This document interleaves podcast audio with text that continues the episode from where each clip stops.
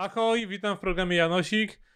Y, W programie, w którym znane mniej lub bardziej osoby opowiadają o swoim sposobie inwestowania. Janosik, bo Janosik, jak, jak wiecie, choć niektórzy żyją w mylnym przekonaniu, że z Polski, pochodzi ze Słowacji, podobnie jak robodoradca y, Finax.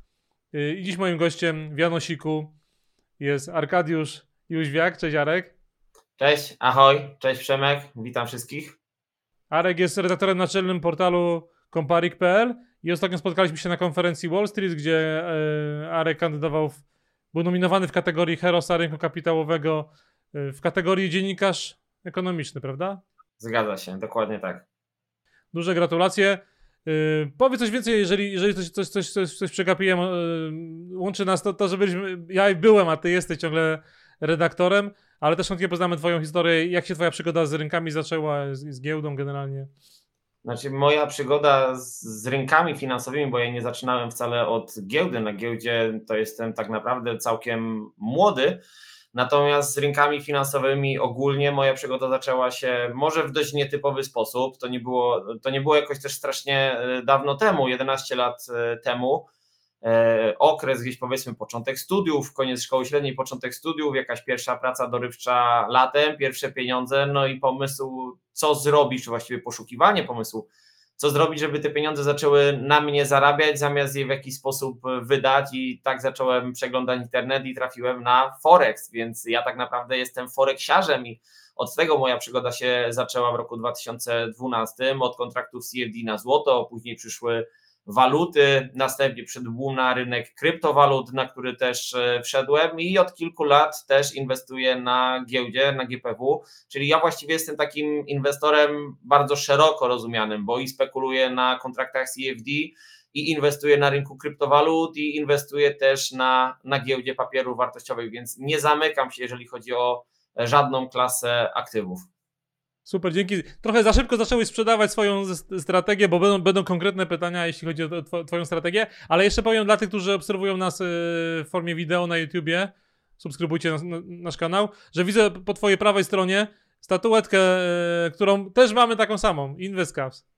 Tak, to jest statuetka, którą jako redakcja Comparik zdobyliśmy w tym roku na konferencji InvestCaps w kategorii Media Rynku i obok niej jest jeszcze e, ramka z e, srebrnym laurem, który zdobyłem ja już prywatnie jako e, analityk też właśnie w konkursie InvestCaps z racji tego, że w tym roku oprócz tego, że statuetki otrzymywali laureaci, to też osoby czy też podmioty, które zajęły drugie i trzecie miejsce, zdobywały srebrny laur, żeby też w jakiś sposób je wyróżnić. No bo bardzo często jest tak, że różnica pomiędzy pierwszym, drugim i trzecim miejscem, jeżeli chodzi o ilość zdobytych głosów, jest bardzo, bardzo niewielka, więc myślę, że to bardzo, bardzo fajny sposób takiego Tak, wyróżnienia. tak, my mamy tego, ten, ten laur, bo ja mam też taką statuetkę, nie wiem czy to dobrze widać, Dokładnie ale tak. Laura za, w kategorii fintech to drugie miejsce y, dla Finaxa. No i oczywiście wygraliśmy InvestCaps w kategorii najlepszy produkt inwestycyjny roku.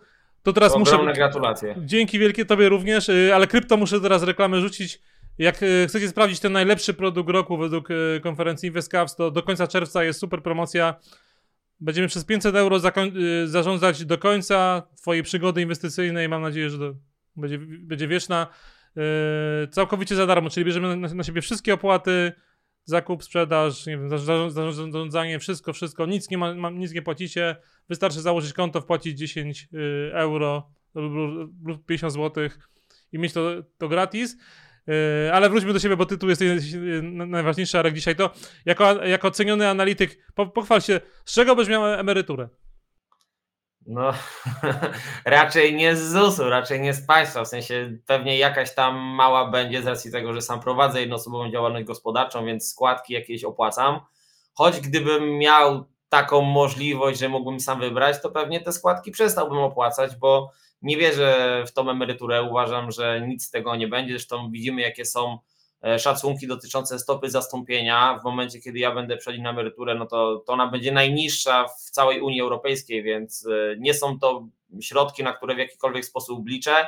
Raczej nastawiam się na to, że o tą emeryturę muszę samemu się zatroszczyć, więc no z tego tytułu też poniekąd inwestuję i to w jaki sposób e, definiuje mój horyzont inwestycyjny, bo ja nie patrzę na rynki finansowe jako na źródło szybkiego dorobku, czy czegoś, dzięki czemu ja muszę żyć, utrzymywać się tu i teraz, bo ja mam inne aktywności zawodowe, zarabiam pieniądze, radzę sobie w miarę przyzwoicie.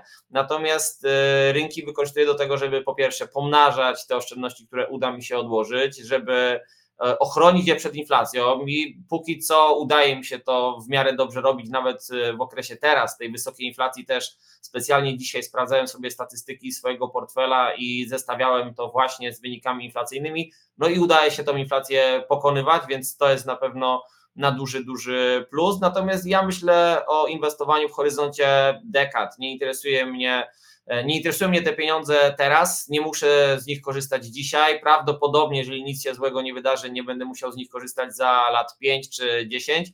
Więc raczej jest to dla mnie taki długoterminowy sposób właśnie przygotowania się na tą jesień życia, żebym w późniejszym okresie mógł korzystać z tego życia, jak będę chciał, na co będę miał ochotę i nie martwić się o to, czy ja mogę kupić bułkę w piekarni, czy muszę iść po bułkę z proszku e, w markecie, czy ja mogę jechać na wakacje, czy ja nie mogę jechać na wakacje, więc to jest, to jest taki pierwszy powód, jeżeli chodzi o to, dlaczego w ogóle inwestuję, żeby zadbać o swoją przyszłość samemu, nie liczyć na, na pomoc nikogo obcego, państwa, rządu, czy polityków, czy kogokolwiek innego, tylko tylko chcę samemu o siebie i o swoją rodzinę też się zatroszczyć.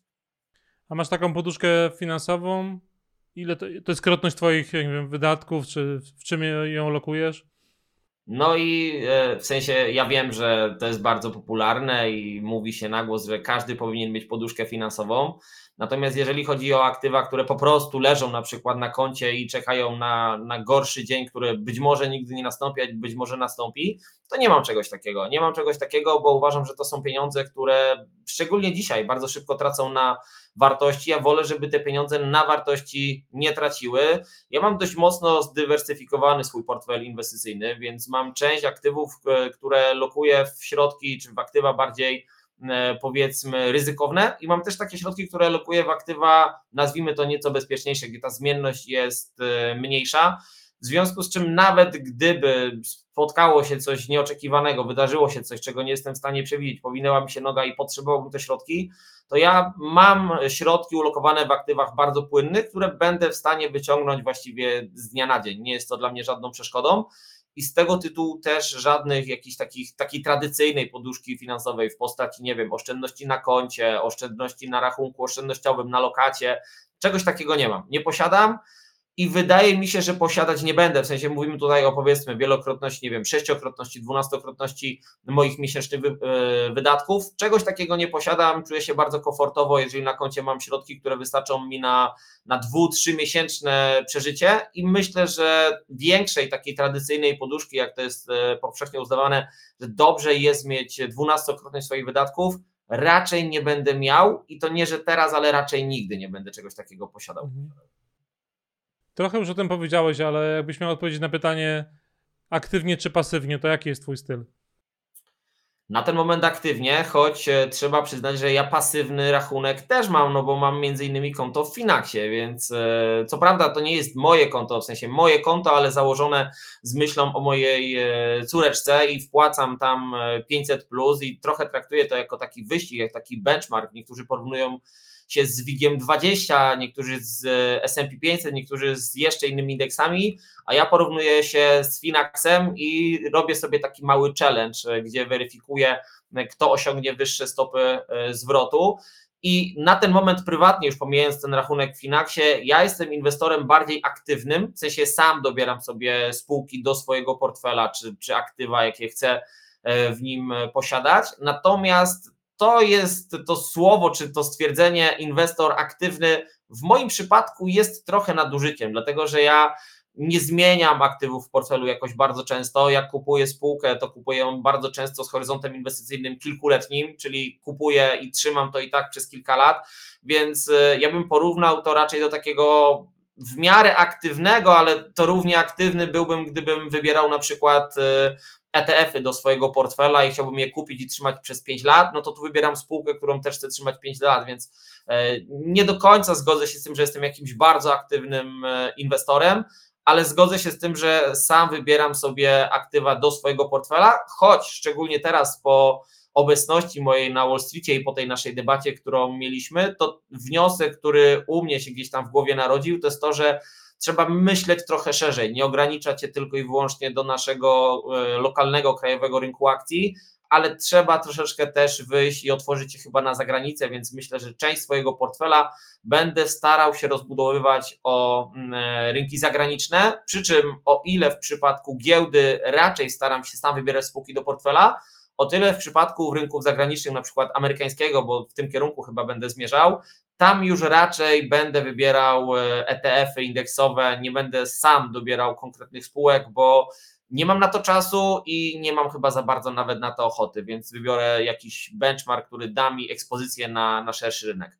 Więc trochę staram się łączyć i to powiedzmy aktywne inwestowanie, choć tak jak mówię, w moim przypadku jest to delikatnym nadużyciem i będę chciał to e, łączyć z bardziej pasywnym podejściem.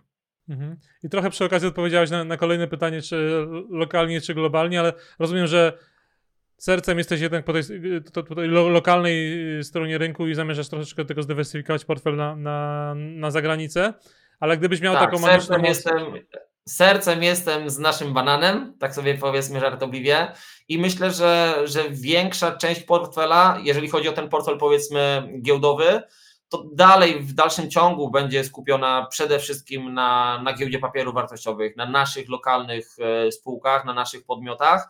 E, ten segment, powiedzmy, amerykański czy ogólnie zagraniczny, globalny, chcę mieć, ale nie wiem na obecnym etapie, czy przekroczy on chociażby 25% udziału całego portfela. Raczej nie, raczej do 20-25% maksymalnie będę chciał się ograniczyć i skupiać się, fokusować się tu. Zresztą ja mam takie odczucie, że Szczególnie dzisiaj e, rynek akcji w Polsce jest e, przeceniony. Nie mówię, że wszystkie aktywa, bo niektóre akcje bardzo mocno na przestrzeni ostatnich podroża, na przestrzeni miesięcy podrożały. Natomiast wiele aktywów jest w mojej ocenie przecenionych względem aktywów, które możemy nabyć e, za granicą, więc dostrzegam całkiem spory potencjał wzrostowy u nas w kraju i, i nie widzę jakiejś wielkiej potrzeby, żeby ten mój kapitał miał pracować gdzieś za granicą.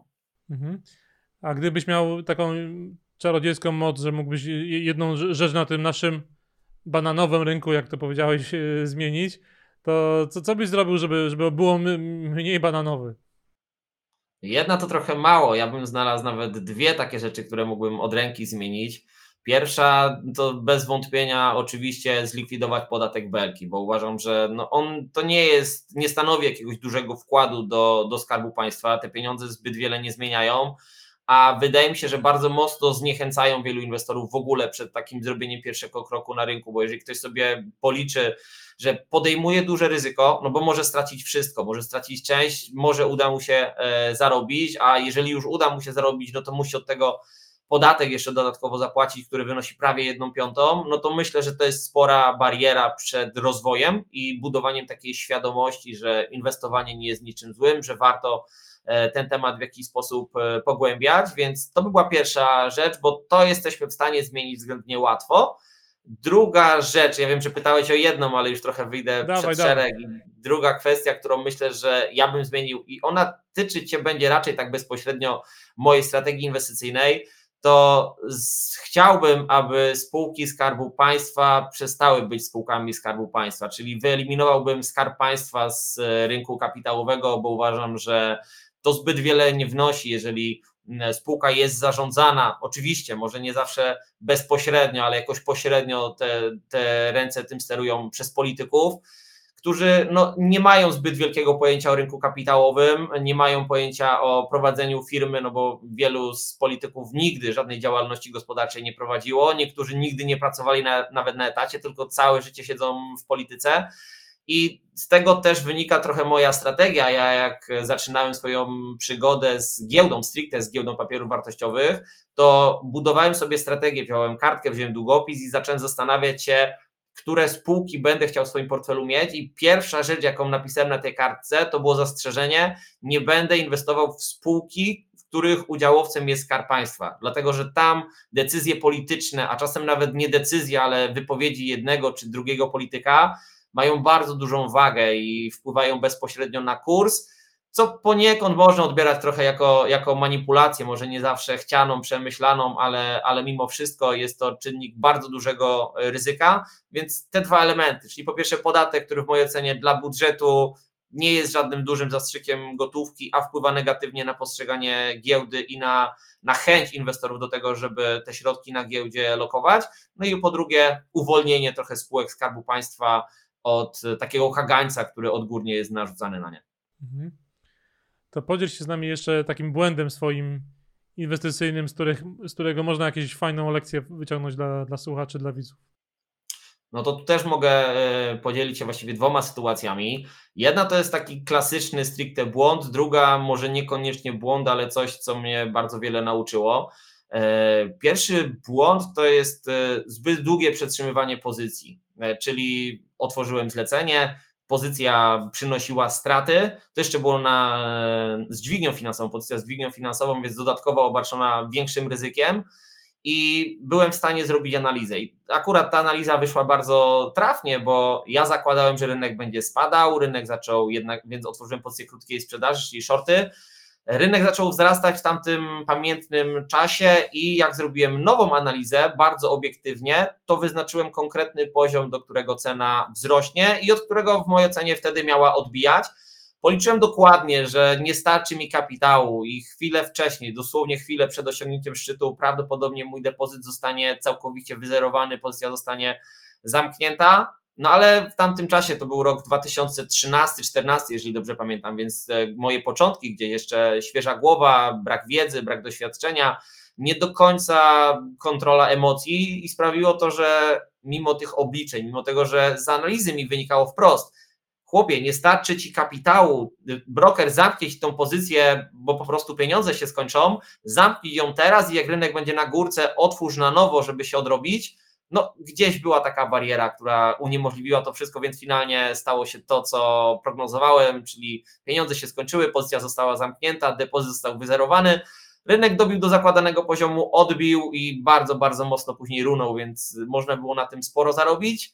Ja nie zarobiłem nic, ale wyciągnąłem bardzo, e, bardzo dobrą lekcję i właściwie to była jedyna sytuacja w moim życiu, kiedy straciłem pieniądze, w sensie nie pojedynczą stratę, ale kiedy wyzerowałem cały depozyt. To się nigdy wcześniej i nigdy później już e, nie wydarzyło, więc e, myślę, że dobra lekcja dla mnie, jeżeli chodzi o zarządzanie swoim kapitałem, zarządzanie swoim ryzykiem, podejście do otwartych pozycji, jeżeli te przynoszą stratę, i druga lekcja to jest lekcja, którą zdobywałem na przestrzeni ostatnich lat, i to jest lekcja, która, którą wyciągnąłem bezpośrednio już e, z rynku kapitałowego, czyli z giełdy papierów wartościowych. E, nie przyniosła, czy nie jest ona związana, co prawda, z żadną stratą, ale jest związana z brakiem zysków. I to jest lekcja e, polegająca na tym, że mm, bardzo często robiłem dobre analizy, mm, z którymi dzieliłem się z innymi osobami bardzo często dochodziłem do dobrych wniosków, ale często nie byłem w stanie połączyć odpowiednio wszystkich kropek. Czyli wiedziałem, że wydarzy się to, to, to i to, że te i te spółki na tym będą w stanie zyskać, ale mimo tego nie byłem w stanie w te spółki zainwestować. Czyli wybierałem sektor, który ma duży potencjał, później ten sektor bardzo ładnie zwyżkował. Zarabiali na tym moi obserwujący, którzy na przykład brali udział w niedzielnej odprawie traderów. Tu taka mała autoreklama to jest taki akurat cykl, który od pięciu lat chyba ponad już prowadzę. Co niedzielę spotykamy się z inwestorami i omawiamy sobie to, co wydarzyło się na rynku w ciągu ostatniego tygodnia i to, co wydarzy się prawdopodobnie na przestrzeni kolejnych dni. No i ja tam im bardzo często mówię wprost, że w mojej cenie to, to, to i to może być ciekawe. Oni inwestowali, oni zarabiali, ja jestem z boku i patrzyłem. I zajęło mi, żeby cię nie skłamać, rok, może dwa, zanim rzeczywiście oprócz tego, że dobrze zacząłem łączyć te kropki, to zacząłem wykorzystywać te okazje w praktyce, więc teraz już zdecydowanie lepiej mi to wszystko wychodzi i takim przykładem może być chociażby to, że wszedłem w spółki deweloperów na giełdzie papierów wartościowych, właściwie na samym dołku e, po tych spadkach, które w ubiegłym roku obserwowaliśmy, więc to udało mi się bardzo ładnie w punkt właściwie wyłapać. Natomiast było wiele takich okazji, które po prostu przegapiłem i później patrzyłem, mówię, mówiąc sobie, no mo mogłem na tym zarobić, nie zarobiłem, ale cóż, trzeba wyciągnąć jakieś wnioski, żeby na przyszłość już tych błędów więcej e, nie popełniać. Więc to jest taka lekcja troszeczkę e, tego, że z jednej strony możesz coś wiedzieć, ale musisz jeszcze to wykorzystać, żeby na tym zarobić. Mhm. A jest jakaś książka, która pomogła ci w twojej przygodzie z rynkami? Wiesz co, książek jest y, wiele. Ja z książkami mam taki problem, troszeczkę problem, że nie znajduję w nich za bardzo wiedzy tajemnej. To nie jest tak, że jakaś książka odmieniła moje życie, że z jakiejś książki dowiedziałem się coś, czego nie znalazłbym w internecie, czego bym nie wiedział. Zazwyczaj to są pozycje, które bardzo fajnie usystematyzowują e, w jakiś sposób wiedzę, albo jeżeli czytam jakąś książkę, to bardzo często zdarza się, że wraca do mnie wiedza, którą poznałem kilka lat e, wcześniej, ale o której na przykład przez długi czas nie myślałem, zapomniałem, więc jakieś wnioski do mnie wracają, ale gdybym miał komukolwiek polecić jedną książkę, która w mojej ocenie jest dość ciekawa, to nawet się przygotowałem, jak straciłem na giełdzie milion dolarów i czego mnie to nauczyło? To jest dokładnie ta e, pozycja. Pozycja dość cieniutka, bo ona ma niespełna 180 stron, więc e, jak na książki powiedzmy dla inwestorów, no to, to jest to tak naprawdę e, lektura na jedno, dwa popołudnia właściwie, usiąść sobie na tarasie z herbatką, kawką czy czymkolwiek w słoneczny weekend i tę książkę spokojnie na raz, maksymalnie dwa można przeczytać. Czyta się ją bardzo dobrze, oprócz tego, że jest bardzo cienka, to strony są w porównaniu do innych książek bardzo małe, więc tej treści nie ma jakoś szczególnie dużo.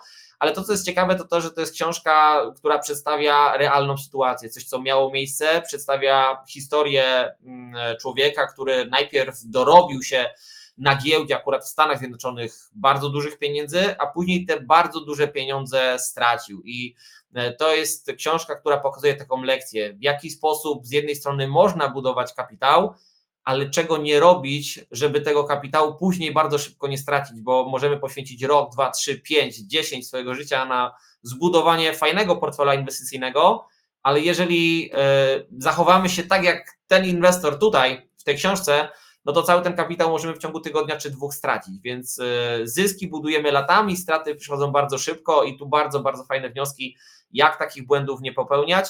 Z tej książki nie nauczymy się ani analizy technicznej, nie nauczymy się analizy fundamentalnej. Więc jeżeli ktoś takiej wiedzy szuka, to na pewno nie tu. Ale poukładamy sobie pewne rzeczy w głowie i myślę, że to jest to, to najważniejsze, bo właściwie całe inwestowanie opiera się na głowie. Jeżeli w głowie będziemy mieli dobrze, jeżeli będziemy kontrolowali swoje emocje, no to myślę, że, że do sukcesu już jesteśmy o, o krok czy dwa bliżej.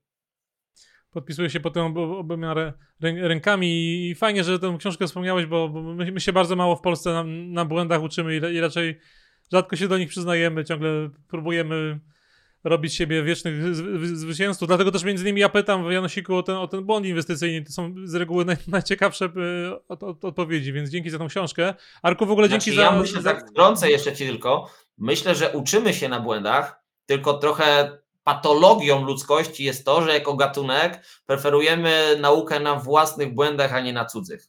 I to jest największa, największa bolączka, bo gdybyśmy uczyli się na błędach innych osób, no to bylibyśmy tak. w zupełnie innym miejscu dzisiaj, no ale do tego chyba każdy musi samemu po prostu dojrzeć. Tak jest i na pewno by to mniej kosztowało. Arku, bardzo Ci dziękuję za, za ten czas. Bardzo ciekawa rozmowa. Powiem szczerze, że, że, że jeszcze bardziej rozumiem, dlaczego zostałeś nominowany w tych dwóch najbardziej prestiżowych y, konkursach w tym roku. Także wielkie dzięki, że podzieliłeś się z naszymi słuchaczami i widzami swoim podejściem do rynków. Jak Wam się też podobało, to dajcie kciuki w górę, subskrybujcie nas y, Finax na, na YouTubie i na, na platformach podcastowych. Y, no i życzę Ci, Arku, żeby ten, ten portfel i aktywny, i ten taki pasywny dla Twojej córki w Finax y, rósł. Możemy się spotkać za rogi, zobaczymy, czy za kilka lat nawet i zobaczymy, czy, czy faktycznie w długim terminie też to Twoje aktywne inwestowanie będzie, będzie biło, ale, ale ja zakładam, że jest grupa ludzi, kilka procent Y, które, którzy mogą pobić y, indeksy, no, dla których to jest pasja i dla których to jest zawód i chyba tak jest y, w twoim przypadku, więc, więc yy, trzymam kciuki. Jeszcze raz, jeszcze, raz, jeszcze raz wielkie dzięki. Do zobaczenia na łamach Komparika i, i w Finaxie. Komparik.pl, tak? tak, tak taki jest adres. Tak, komparik, komparik.pl. Dzięki jeszcze raz. Dzięki, wszystkiego dobrego, trzymaj się. Ahoj. Ahoj.